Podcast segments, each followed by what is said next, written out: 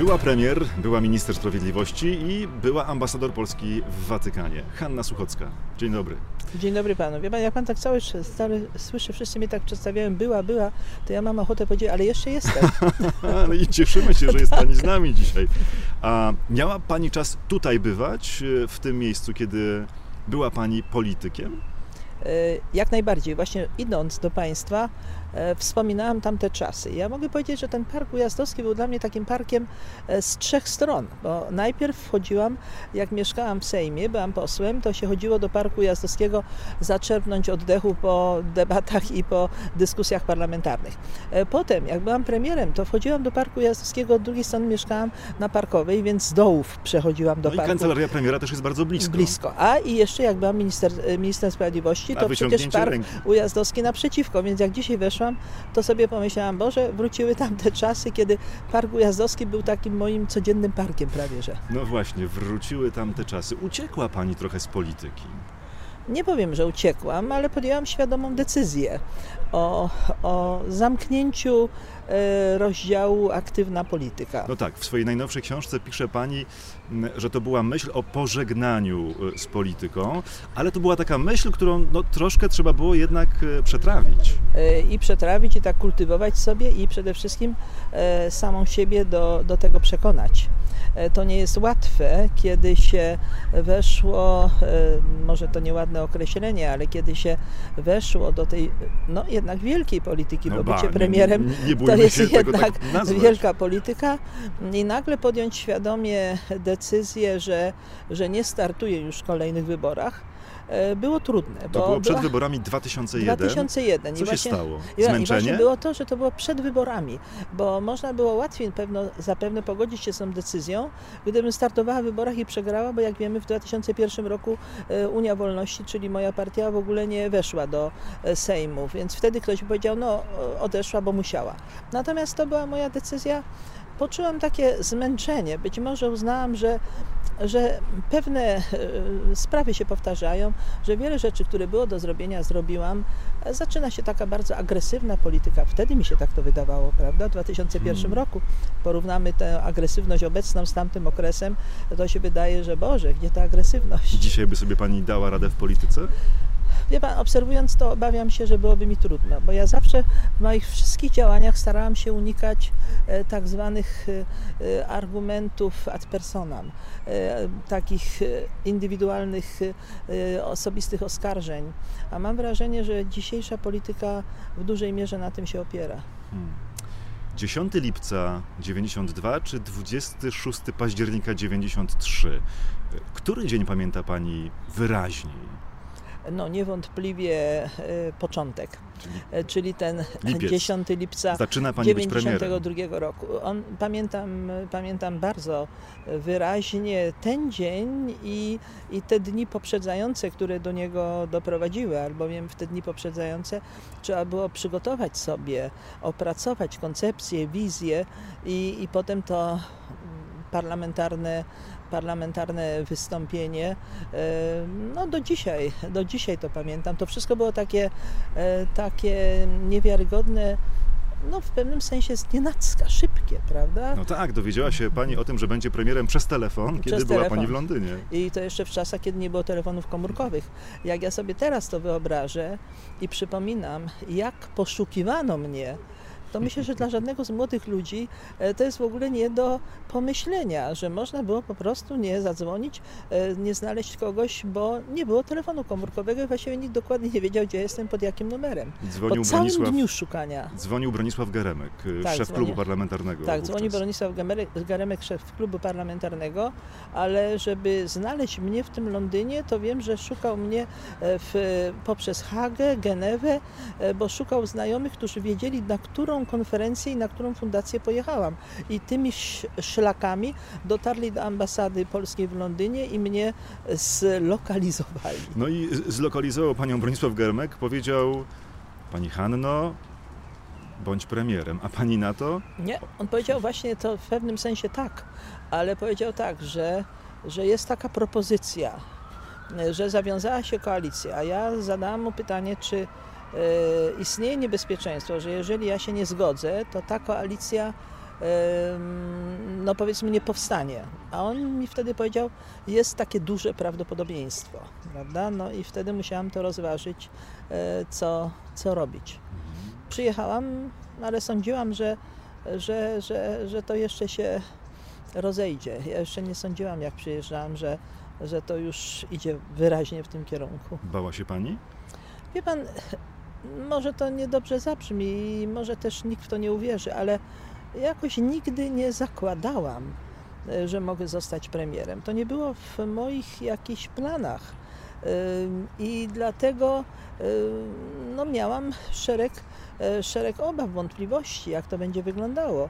E, trudno, żeby nie mieć w takiej sytuacji. Ale każdy polityk nosi buławę w plecaku. No nosi, po tym jak widać było, ją wyciąga w jakimś momencie, no, ale jeden myśli, że być może, może i tak nie dostrzega, a drugi czuje ją cały czas na swoich plecach. No, krytycy i przeciwnicy polityczni y, mówili wtedy, że premierem ma zostać osoba sprawiająca wrażenie kompletnie nieprzygotowanej mhm. na stanowisko premiera.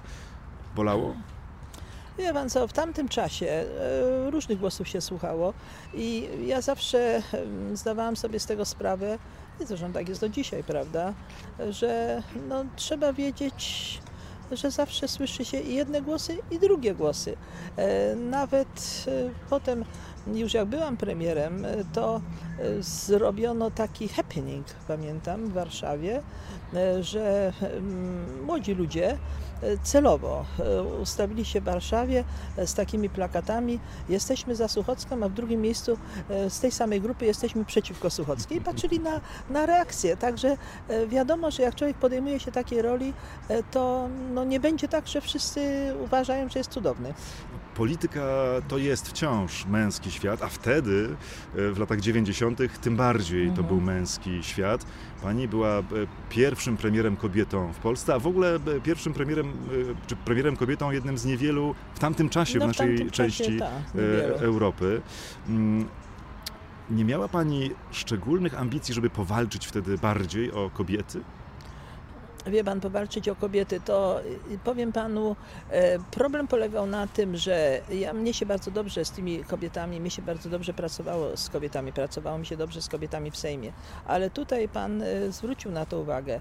E, życie partyjne zdominowane było przez mężczyzn. I pani musiała walczyć o siebie, a nie o inne kobiety? Nie, koalicję partyjną koalicje partyjne tworzyli mężczyźni.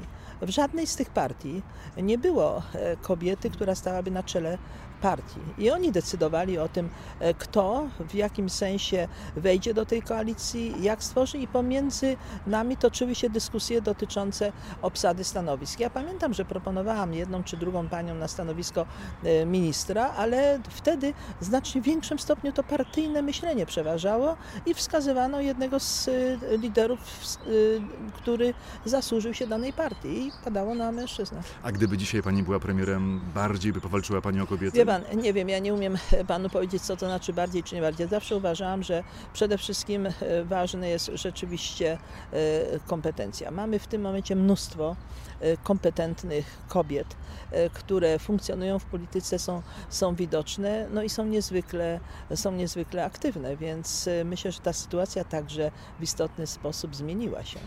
Jak pani myśli, z czym ludzie dzisiaj kojarzą pani rząd? Ja nie wiem, nie wiem, nawet staram się o tym nie myśleć. E, różnie, bo spotykam różne głosy, przecież e, jeżdżę, spotykam. E, na przykład młodsi, którym się udało, którzy założyli własne firmy, spotykają mnie i mówią, że, że pamiętają tamten czas jako czas początku ich działalności i są wdzięczni, że mieli te szanse, że były stworzone warunki do tego i że tam e, są za to po prostu wdzięczni. Inni natomiast mówią, a bo ona nam tam te emerytury, prawda, e, obniżyła i teraz, wie pan, następuje takie, e, takie z, taka zbitka pewna, bo to z perspektywy czasu pamięć, e, no tak e, tak się ma, że na przykład niektórzy obwiniają mnie na pewne rzeczy, które nie były moją decyzją, tylko były podjęte w poprzednich rządach czy w późniejszym, ale czasami, no, jak się mnie widzi, a to można e, ją za to też e, skrytykować. Te rządy się szybko wtedy też zmieniały, zmieniały. pamiętajmy. No nie było konstruktywnego wotum nieufności. No właśnie. Pani rząd to także podpisany konkordat.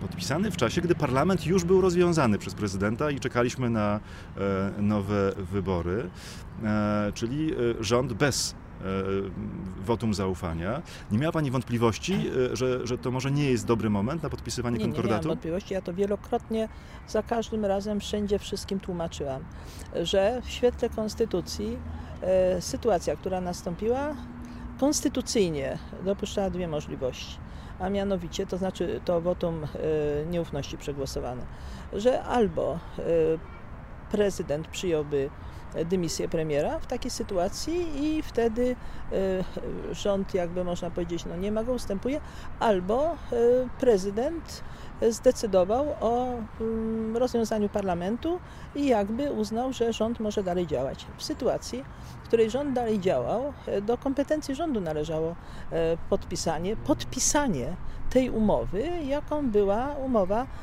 konkordatowa. Natomiast wiadomo było, że ostatecznie zadecyduje o tym parlament i że umowa nie wejdzie w życie, dopóki nie zostanie ratyfikowana. Ratyfikacja będzie należała do parlamentu. Czyli myśmy zrobili to, co należało do rządu, podpisanie umowy, natomiast kwestia ratyfikacji została odłożona do powstania nowego parlamentu. No i trochę to jednak e, trwało. E, to Cze długo trwało. Czego nie zdążyła Pani zrobić jako premier, albo po prostu się nie udało? Wielu rzeczy się nie udało. Ja myślę, że nie udało się też e, dokończyć kwestii związanych z reprywatyzacją. To jest bardzo gorący y, problem, ale te, do tych ustaw reprywatyzacyjnych podchodzono wielokrotnie, kilka rządów. Myśmy także mieli przygotowany w końcówce jeden z projektów, no ale y, końcówka rządu spowodowała, że rozpoczęła się wstępna dyskusja, pełna emocji, no ale mm, efektu, efektu nie było, prawda? Y, I myślę, że wiele innych projektów, myśmy bardzo wiele projektów przygotowali dotyczących także pewnej takiej reformy strukturalnej, one trafiły potem e, na biurko kolejnego e, premiera, premiera Pawlaka. Mm, Adam Michnik e, pisał wtedy o pani rządzie, tak, to jest rezultat koalicji żywiołów sprzecznych. No bo właśnie, to był no rząd tak. bardzo koalicyjny. Bardzo, bardzo. Zazdrościła Pani potem czasem premierom, którzy nie musieli się zmagać z taką układanką, z takim patchworkiem politycznym w rządzeniu? Wiem, czy zazdrościłam kiedyś, zawsze. Uważałam, że to mieli potem, przede wszystkim mieli bardzo komfortową sytuację wielu, e, no wielu premierów, którzy przyszli po mnie, albowiem w dużej mierze to doświadczenie e, mojego rządu e, z wotum nieufności, które nie było konstruktywnym wotum nieufności, spowodowało, że obecnie mamy jedyną możliwość, jakbyśmy to używali popularnego języka obalenia rządu, tylko poprzez konstruktywne wotum, czyli, czyli wskaza wskazanie kandydata na przyszłego premiera. E, to było to doświadczenie e, mojego rządu, bo proszę sobie przypomnieć tę sytuację, e, że mamy tego, ten dzień 28 maja 1993 roku. I bardzo łatwo na samym początku posiedzeniu Sejmu, prawda, no, okazuje się, że rząd nie uzyskał większości, żeby, żeby przetrwać. No więc wotum nieufności. I co się dalej dzieje? Parlament zostaje, opuszczam salę, parlament zostaje i teraz wśród tych parlamentarzystów zaczyna się dyskusja o wyłonienie kandydata na premiera. Trwało to cały dzień i nie mogli się to porozumieć, nie mogli znaleźć żadnego kandydata na premiera. A może ten? Nie, to tego, no znamy te spory, prawda?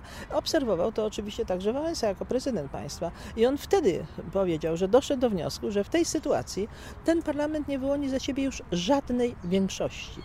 I jedyną możliwością, jaką jest, to jest możliwość rozwiązania parlamentu i wybrania nowego. I wtedy e, ta nauczka spowodowała, że już posłowie w Komisji Konstytucyjnej, kiedy przygotowywano nową konstytucję, uznali, że właściwie jedynym sposobem jest konstruktywne wotum nieufności, bo ono uchroni także i parlament przed ewentualnie takimi działaniami. I drugie, prawo wyborcze, próg wyborczy, który spowodował, że mniejsza ilość partii trafiała do parlamentu i dzięki temu koalicje były mniejsze i nie było tego swoistego liberum veto małych y, partii y, w koalicji rządowej. A niewiele zabrakło, żeby pani jednak premierem była dalej, bo to głosowanie było pół na pół. Przegrane dokładnie. jednym głosem w zasadzie. No tak, jednym właściwie, jednego głosu zabrakło. Hmm, a do czego pani się najszczerzej uśmiecha y, w tamtym czasie, kiedy pani była przez kilkanaście miesięcy premierem? Ja nie wiem jak to powiedzieć. Ja bardzo wspominam tamten czas. y, y, Nie wiem, on został jakoś przykryty innymi latami, ale, ale był to trudny czas. Był to, pamiętam takie codzienne, codzienne e, zmagania właściwie, przebijanie e, e, i e, równocześnie ta świadomość, która wtedy e, mi bardzo towarzyszyła, e, że można bardzo łatwo dać pewne zobowiązania, że można bardzo łatwo pewne napięcia uspokoić, tylko że trzeba było myśleć do przodu, że my mamy dopiero, to był przecież y, czwarty rok, tak na dobre trzeci rok y, tej tak zwanej transformacji. My musimy stworzyć te silne podstawy. I to był rok, kiedy zaczęły już pokazywać się pozytywniejsze wskaźniki. My sobie teraz z tego nie zdajemy sprawy. I dlatego to były twarde decyzje, trudne decyzje. Ludzie czasami się z tymi decyzjami nie godzili, nie, nie rozumieli ich, natomiast może myśmy ich nie umieli tłumaczyć. Y, Natomiast y, one musiały takie być, żebyśmy mogli pójść y, do przodu ekonomicznie. A był ktoś wtedy, od kogo pani się uczyła polityki? Kto był dla pani wzorem, inspiracją? To był wtedy czas, kiedy było wielu, wiele osób, z którymiśmy prowadzili, prowadzili dyskusje, debaty. Były, były ważne, ważne nazwiska w życiu politycznym. E, Równocześnie mm, no, analizowaliśmy, mieliśmy dobrych, dobrych analityków, analizowaliśmy rozwiązania podejmowane w innych krajach, e, które sobie poradziły z takim e, zapóźnieniem, jak e, nas dotyczyło. E, Na pewno w dużej mierze ja byłam wtedy pod wpływem, e, pod wpływem e, może nie tyle osobowym, ale Margaret Thatcher jako jej polityki. Być może, że, że za bardzo, ale taki był to wtedy czas, bo jej polityka wtedy przyniosła, e, przyniosła pewną stabilność e, Wielkiej Brytanii po bardzo słabych poprzednich e, rządach. I dlatego wydawało się, że to jest pewien model do naśladowania. E, Potem bardzo często mi przypisywano i mówiono, że, że, że ja uważałam, że jestem drugą Thatcher. Ja zawsze to powtarzałam, że to nie jest tak. Ja jestem pierwszą Suchocką. Działam w zupełnie innych okolicznościach, w zupełnie innych warunkach, w zupełnie innych sytuacjach, ale pewne decyzje czy pewien kierunek polityki, no to e, można było podglądać u Margaret Thatcher. Tak mi się wtedy wydawało. No, a potem była pani pierwszą Suchocką w Watykanie. Pomysł Watykan jako pierwszy podsunął pani Władysław Bartoszewski, jako ówczesny minister spraw zagranicznych. No, tak, właściwie tak to było, bo on zaproponował mi, zaproponował mi tę, jak to można powiedzieć, rolę, e, która, która też e, no, nie do końca mnie wtedy przekonywała. No tak, on mówi, y, może byłaby pani ambasadorem Mhm. Watykanie, a pani na to, nie, nie, dziękuję, nie tak niekoniecznie. bardzo właśnie, niekoniecznie. I taka była między nami rozmowa i trwało to dosyć, e, dosyć długo, parę, parę miesięcy. To takie... No, kazała pani na siebie czekać. Namawiał Jerzy Buzek, namawiał Jan Nowak-Jeziorański, a bo pani nie wciąż bo nie dziękuję, byłam postoję. przekonana, wie pan, to właśnie była, to była właśnie ta trudna sytuacja, o której mówiliśmy na początku, że, e, że, e, że ta decyzja musiała być podjęta właściwie e, w styczniu 2001 roku. Ja jeszcze wtedy byłam w Sejmie, jeszcze tak no już dojrzewała ta myśl o odejściu, ale z drugiej strony wydawało mi się, że wtedy miałam takie wyobrażenie, że odejście do Watykanu to jest już takie e, bardzo zamknięcie się, prawda? W Zamknięcie się na takim- politykę. w takim w ogóle małym kręgu, bo, bo to, co, o czym piszę w tej książce, e, ja podobnie jak i wiele innych osób nie mieliśmy e, nawet takiego wyobrażenia, co to znaczy ta polityka e, watykańska, prawda? I dlatego mnie się też wtedy wydawało, że, że no, może trochę ten obszar taki niekoniecznie, stąd te wątpliwości. No tak, pisze pani o tym, y, że się zastanawiała, czy ludzie zrozumieją, że była premier Tak. może dobrowolnie chcieć zrezygnować z tej wielkiej polskiej tej polityki. Wielkiej, tej wielkiej polskiej polityki, tak, i przejść, e, przejść do ambasady. To były bardzo, bardzo trudne decyzje, ale z perspektywy czasu mogę powiedzieć, że nie żałuję, że No, podjęłam taką To decyzję. zanim nie żałuje, to dzwoni Bartoszewski i mówi, co mówi, bo to jest ważne. Żałuję. Co mówi? Co mówi Bartoszewski, jak panią przekonuje? No, którym to ma, Pani Hanko, czy pani wreszcie powie swoje sakramentalne tak? Tak, to typowy Bartoszewski. On parę razy dzwonił i dlatego już na koniec e, już zwrócił się do mnie, do mnie tym, e, tym pytaniem, prawda? On mówi, ja muszę No i nie zamykać. było wyjścia. No i wtedy musiałam właściwie do tego ostatecznie mnie przekonał chyba Jan Nowak-Jeziorański, prawda? Bo on e, stwierdził, że że Bartoszewski się denerwuje i, i że właściwie no jak y, ode mnie uzależnia poszukanie innego kandydata, co już musi robić, bo zdecydował się odwołać poprzedniego ambasadora i tak to się stało. No właśnie, wyjeżdżała Pani do Watykanu z nominacją podpisaną przez prezydenta Aleksandra Kwaśniewskiego. Tak. Za chwilę miał powstać nowy rząd. Um... Rząd, ale prezydent. Yy, tak, tak, ale zastanawiam się nad tym, czy, czy nie miała Pani wątpliwości, czy powinna Pani reprezentować e, no, i kraj, ale też rząd, z którym Pani, no, co tu dużo mówić, nie po drodze? No, miałam te wątpliwości. Niewątpliwie, każdy je musi mieć, e, ale u nas jest taka zasada, przynajmniej obowiązywała przez, e, przez wiele lat, że ambasadorowie nominowani przez poprzedni rząd reprezentowali także rząd innego politycznie inny. Ale oczywiście tak długo, jak długo to nie rodziło konfliktu interesu, czy jakby nie rodziło e, tych wątpliwości, czy jeszcze mogę prawda, reprezentować. Ja tutaj miałam te e, wątpliwości, czy to jest dobrze, dobre rozwiązanie, ale no, rozmawiałam z wieloma mądrymi osobami, w tym także rozmawiałam z panem Krzysztofem Skubiszewskim, bo on był zawsze taki bardzo zasadniczy w takim podejściu, e, kto jakie e, funkcje z byłych polityków może pełnić.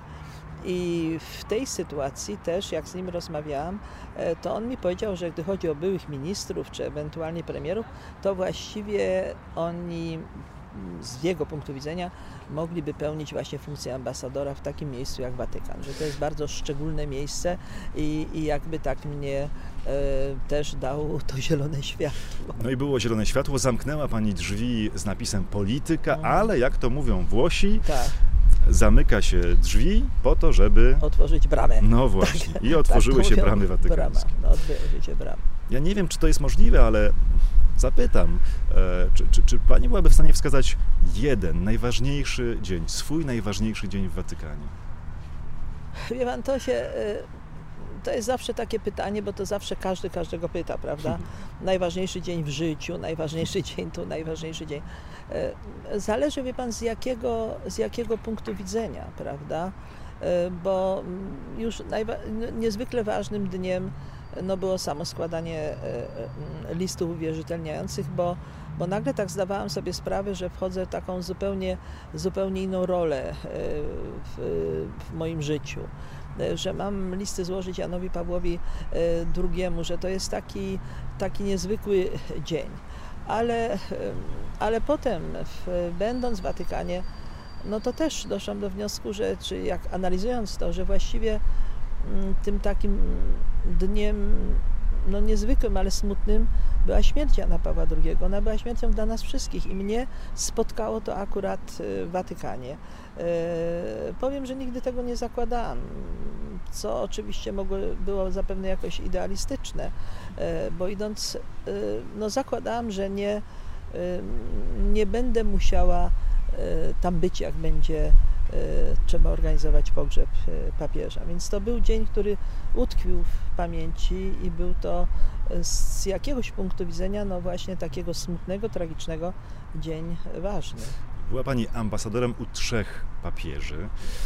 Gdybyśmy chcieli opisać ich jednym słowem, może jednym zdaniem każdego z nich, no to jak byśmy o nich dzisiaj mogli powiedzieć? Jan Paweł II na początek. Pan Jan Paweł II to ja myślę, że y, to też nie jest nawet moje, y, moje określenie, ale y, z takim się spotykałam, że Jana Pawła II można było porównać do, jak to brzmi, do starotestamentowego proroka. On miał wizję, on miał, miał wizję i ją realizował i jak widzimy przekraczał pewne bariery, które wydawały się nie do e, przekroczenia. E, zarazem miał niezwykłą, niezwykłą charyzmę. I to była ta, ta właściwie cecha, że jak się do niego zbliżało, to, e, to człowiek zapominał, że tam inni stoją, czekają, że jest jakiś nerwowy czas. No ta, ta, ta niezwykła charyzma. Natomiast Benedykt XVI, Benedykt XVI w odróżnieniu od tego, co się o nim pisze, miał takie, takie niezwykłe ciepło i taką e, swoistą nieśmiałość. On był, on był wręcz nieśmiały. Jak się e, znowu z nim stykało, to oczywiście wiedziałam, że rozmawiam e, z człowiekiem niezwykłego intelektu. Dlatego nazywano go, że to jest papież profesor, prawda? Ale, ale, ale nieśmiały. Prezentował te swoje poglądy w sposób koherentny, zwarty ale, ale był niezwykle taki właśnie ciepły i delikatny w swoich stosunkach. Ta nieśmiałość, jak to rozumiem, czytając Pani wspomnienia, e, była też wyczuwalna nawet na tym Waszym ostatnim spotkaniu, kiedy Pani wyjeżdżała z tak, Watykanu i to było już prywatne spotkanie z papieżem emerytem. Tak. Wciąż tak. nieśmiały. Tak, tak. Mhm. Taki, taki, był taki, ja wiem, czy jak to będzie nieśmiały, no niezwykle skromny. Dlatego ja też mówiłam, że e, pisanie o Benedykcie jako o pancernym e, kardynale zupełnie nie pasowało mi do jego osobowości. A zarazem papież Franciszek, no, no papież Franciszek e, zupełnie inna postać. Jednak to jest postać e, z innego, z innego świata i on wbrew znowu temu, co się mówi, jest papieżem poważnym i na serio. On nie jest takim e, słodkim, uśmiechającym się papieżem. No właśnie, bo wynotowała Pani dość ważne zdanie e, tak? dla, dla opisu Franciszka, jeszcze wtedy kardynała Bergoglio, tak. kiedy opisywano tak. go w gazetach tak. przy okazji konklawę. Pisze Pani tak, kiedyś w jednej z gazet tak. zauważyłam jego zdjęcie, na którym miał spiętą, tak. wręcz groźną twarz i pomyślałam wtedy, że on chyba nie zostanie papieżem. Takie miałam wtedy wrażenie. On miał bardzo poważną twarz i proszę zwrócić uwagę, że papież Bergoglio podczas różnych uroczystości, on jest osobą, dla której ci wokół nie istnieją, prawda? On jest poważną osobą niepatrzącą. Jak e, podchodzi do człowieka i się uśmiecha, ma ten e, szczególny uśmiech, ale jest e, papieżem no, takim groźnym. Hmm. Częściej myśli dzisiaj pani, byłam premierem, czy jednak byłam ambasadorem? Ja panu powiem, ja staram się, ja staram się nie myśleć tak w tych e, kategoriach.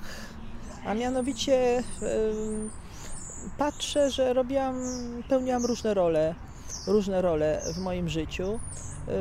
Zastanawiam się, jak to się stało i dlaczego. Nie mam do końca odpowiedzi, czemu właśnie w danym momencie taką rolę e, przyszło mi pełnić. I no, biorę to, co robię, dlatego nawet jak mnie pytają, jak e, czasami jak mnie mają tytułować, ja mówię, no tak aktualnie to co robię, prawda? Jestem na uczelni, jestem profesorem. Pani profesor. Ale gdyby ktoś dzisiaj powiedział Pani, że może być Pani jeszcze raz premierem, ministrem sprawiedliwości albo ambasadorem w Watykanie. To co pani wybiera? Nie, co, nie wraca się niby do tych e, funkcji. Jak już mówiłam, e, pewnie do żadnej, do żadnej z nich, chociaż niewątpliwie taki bagaż emocjonalny e, pozytywny no najbardziej wiąże mi się z funkcją ambasadora w Watykanie. Tęskni Pani za Rzymem? Na szczęście często tam wracam. Nie chciała Pani tam po prostu zostać? Ja, Rzym jest specyficzny. Ja nie wiem, czy ja to też w tej książce pisałam. Rzym jest specyficzny. Ja tam miałam wielu przyjaciół wiele osób, e, którymi do dzisiaj się e, spotykam, e, mm, lubimy się. Natomiast tak sobie wyobrażałam, że gdybym tam pozostała, no to chyba bym zawsze jednak była tą osobą obcą.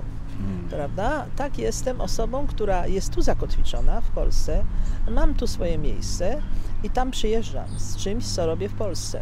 Gdybym tam została, to byłabym jednym z kolejnych Rzymian, y, jak to ktoś kiedyś w jakiejś książce napisał, już nie pamiętam gdzie, że w Rzymie jest wiele osób, pisał trochę o wcześniejszym okresie, kiedy jeszcze nie było tej globalizacji, którzy znaleźli się tam y, w tragicznej sytuacji ze względu na swoją miłość do Rzymu, bo pozostali i zostali w ostateczności trochę osamotnieni. I tego się też trochę bałam. Ma Pani już czas czasem się trochę ponudzić? Na razie na szczęście nie. Zawsze się tego boję, że taki czas przyjdzie.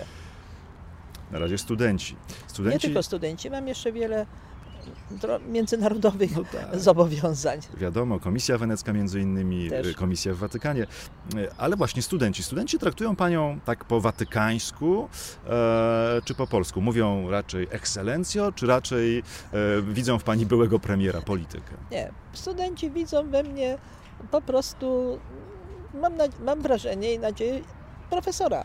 E, Także mam swoich seminarzystów, lubię tych seminarzystów, a studenci są jak studenci, prawda? E, Patrzą e, też, dyskutują, rozmawiają, także myślę, że traktują mnie normalnie. Ja przynajmniej tak to odbieram, że ja nie jestem traktowana jako, jako jakaś nadzwyczajna osoba na tej uczelni, no bo taką nie jestem. A ma Pani dla tych studentów takie miłosierne serce z Watykanu, czy raczej żelazną rękę ministra sprawiedliwości? Wie pan co, ja to bym o sobie powiedziała, że chyba jestem za miłosierna, ale nie wiem, musiałby pan ich spytać o to, ale mnie się tak zawsze wydaje. Um, pani profesor, na koniec powróćmy do roku 92 jeszcze. Do pani telewizyjnego orędzia w Wigilię Bożego Narodzenia mówiła w nim pani tak. Życzę wszystkim moim rodakom, abyśmy potrafili budować Polskę zasobną i sprawiedliwą, abyśmy unikali jałowych sporów i szukali porozumienia tam, gdzie się różnimy, abyśmy umieli być dla siebie życzliwi i nie zapomnieli o tych, którym powodzi się gorzej od nas.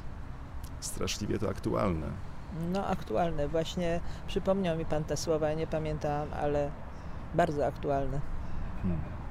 Oby się wreszcie kiedyś spełniły te jak życzenia. widać to jest zadanie dla każdego, jak widać, premiera i polityka i dla społeczeństwa.